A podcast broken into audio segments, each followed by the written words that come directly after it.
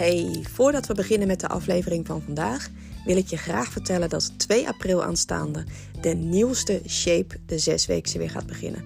Het is een compleet vernieuwd programma, een vol, bordevol tools om uh, jou extra te helpen om jouw doel te gaan bereiken bovenin de show notes van de podcast, dus niet bij de aflevering, maar helemaal bovenin. Daar vind je de link voor meer informatie of om je in te schrijven. En met de kortingscode APRIL met hoofdletters geschreven ontvang jij alleen bij deze eerste editie 100 euro korting.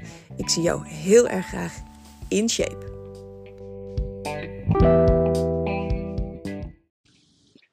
Hey, goedemorgen maandagochtend onderweg naar de sportschool.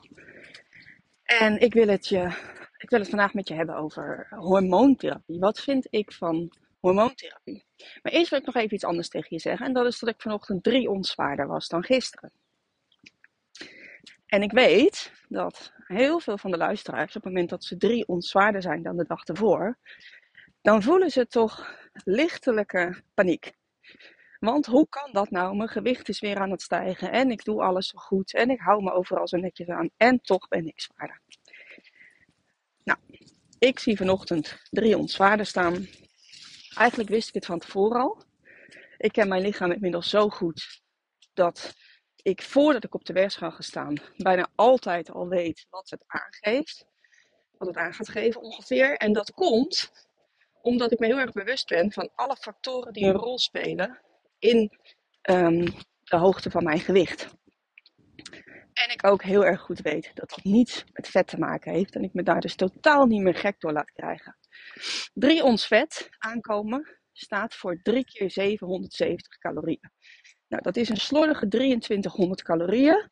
Dat ik gisteren te veel gegeten zou moeten hebben om vanochtend 3 ons in vet aangekomen te zijn. Dat betekent in mijn geval dat ik precies het dubbele gegeten mag hebben, zou hebben van wat ik per dag normaal gesproken eet. Nou, dat is natuurlijk niet zo. Dus ik zie die stijging op die weegschaal. Interesseert me helemaal niks, want ik weet, ik ben geen grammetje vet aangekomen. Uh, er is iets anders aan de hand. Nou, wat was er aan de hand? Ik had gisteren ben ik niet naar het toilet geweest.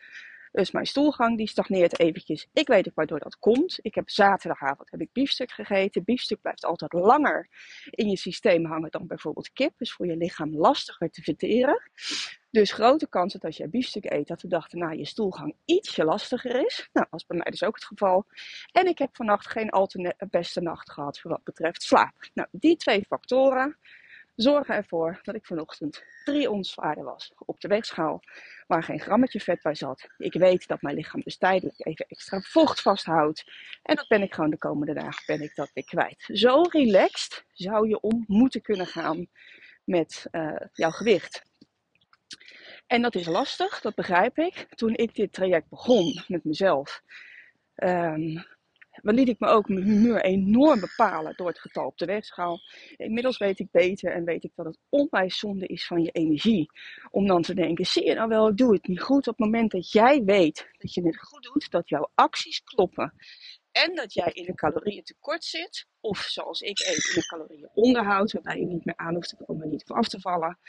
Uh, dan is er helemaal niks aan de hand en kun je je handen ervoor in het vuur steken dat je niets in vet bent aangekomen. Um, ik vind het heel prettig om mezelf nog steeds dagelijks te blijven wegen en uit te blijven gaan van het gemiddelde. Om te kijken of ik nog steeds goed zit.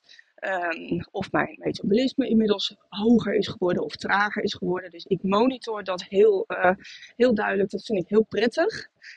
Um, en het is voor mij ook elke keer weer uh, het bewijs dat ik mijn lichaam heel erg goed ken. Ik weet van tevoren al oké, deze uh, randzaken hebben invloed op mijn gewicht.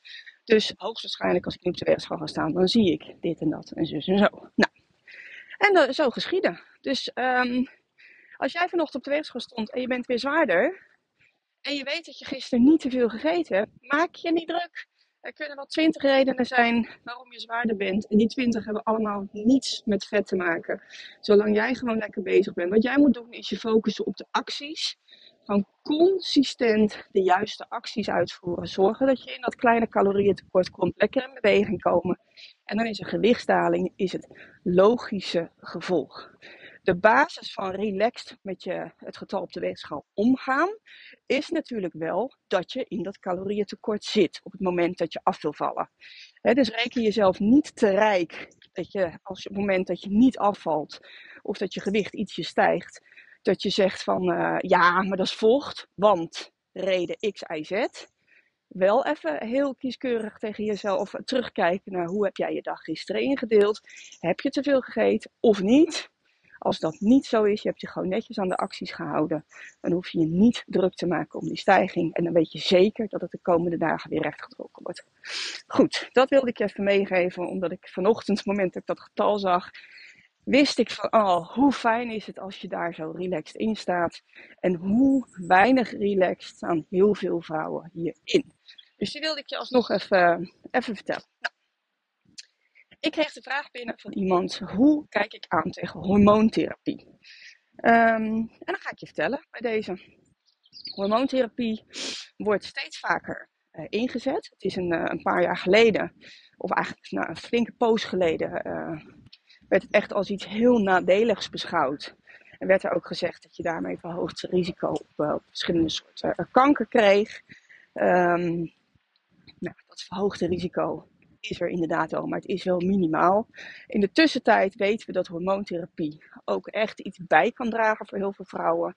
Uh, dat het minder schadelijk is dan dat vroeger dus gedacht werd. Maar dat wil niet zeggen dat ik er in alle uh, gevallen een voorstander van ben. Ik zie uh, hormoontherapie in heel veel gevallen als um, de brace om je knie uh, omdat jij knieklachten hebt, maar tegelijkertijd weeg je 30 kilo te zwaar. Snap je wat ik daarmee wil zeggen? Je belast je knie dus veel en veel te veel. Je bent veel te zwaar. Dat kleine gewricht heeft veel te veel kilo's te verstouwen. Uh, en wat ga jij dan doen? In plaats van dat je zegt: Oké, ik ga de lasten voor die knie op de juiste manier verlichten, doe je er een brace omheen, zodat jij niets hoeft te doen met het daadwerkelijke probleem. Nou, in veel gevallen, let wel, niet in alle, maar in veel gevallen zie ik hormoontherapie op die manier. Want je kunt overgangsklachten voor een heel groot gedeelte bestrijden met leefstijl. Maar omdat veel vrouwen dat niet willen, of niet weten, dat zou ook kunnen, maar er is zeker een gedeelte dat het wel weet, of in ieder geval het vermoeden heeft dat ze niet helemaal lekker bezig zijn wat betreft die leefstijl, maar het toch niet willen aanpassen, is het dus iets buiten zichzelf om waar ze naar kunnen grijpen om alsnog de problemen te verminderen. En um, in dat geval vind ik dat je de plank misslaat als je naar hormoontherapie grijpt. Er zijn absoluut vrouwen die heel veel baat hebben bij hormoontherapie. Ken zelf ook gevallen van uh, dames die alles op orde hadden, die geen overgewicht hadden, geen alcohol dronken, uh, voldoende sliepen, uh, geen stress, geen overgewicht, zo min mogelijk bewerkte voedsel, die, die er alles, alles aan deden en toch bijvoorbeeld mentaal hele heftige klachten kregen. Nou, dat is een situatie waarvan ik zeg: oké, dan is voor jou hormoontherapie echt wel geschikt op zo'n moment, omdat er vrij weinig is dat jij er zelf nog aan kunt doen om die klachten te verminderen. Plus mentale uh, problemen kunnen natuurlijk in één keer zo heftig zijn dat je wel iets moet gaan doen. Uh, omdat er anders hele nare dingen zouden kunnen gaan gebeuren. Um, maar ik vind altijd in alle gevallen dat je eerst moet kijken naar wat kan ik er zelf aan doen. En niet alleen zozeer voor de periode in die overgang, maar ook omdat dat nou eenmaal jouw hele leven dient. Ook de periode na de overgang. Maar daar zijn maar heel weinig vrouwen zijn daartoe bereid. Um, als jij bijvoorbeeld enorm last hebt van opvliegers en jij kiest daarom voor hormoontherapie, maar jij blijft wel alcohol drinken, dan heb je dus de nummer 1 remedie tegen opvliegers. Die ben je niet bereid om aan te pakken, maar vervolgens grijp je wel naar hormoontherapie. Nou, dat vind ik niet oké. Er zijn heel, heel, heel veel leefstijlfactoren die direct invloed hebben op overgangsklachten. En dat zijn eigenlijk de leefstijlfactoren die ik continu benoem. overgewicht zorgt ervoor dat jij uh, constante laaggradige ontstekingen in je lichaam hebt. Geeft enorm veel extra klachten in de overgang. Ook naast de overgang, maar ook in de overgang.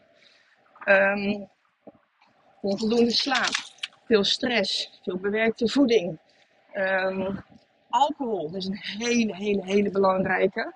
Nou, dat zijn allemaal dingen um, waar je in mijn beleving dus mee aan de slag zou moeten voordat je naar hormoontherapie grijpt.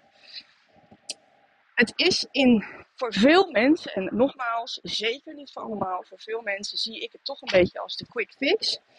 Omdat je daarmee vrij snel geholpen bent en een leefstijlverandering duurt natuurlijk eventjes voordat je daar het effect van, van merkt. Hè, op het moment dat jij in gaat zetten op een leefstijlverandering, moeten die hormonen die moeten tot rust komen, die moeten gaan resetten.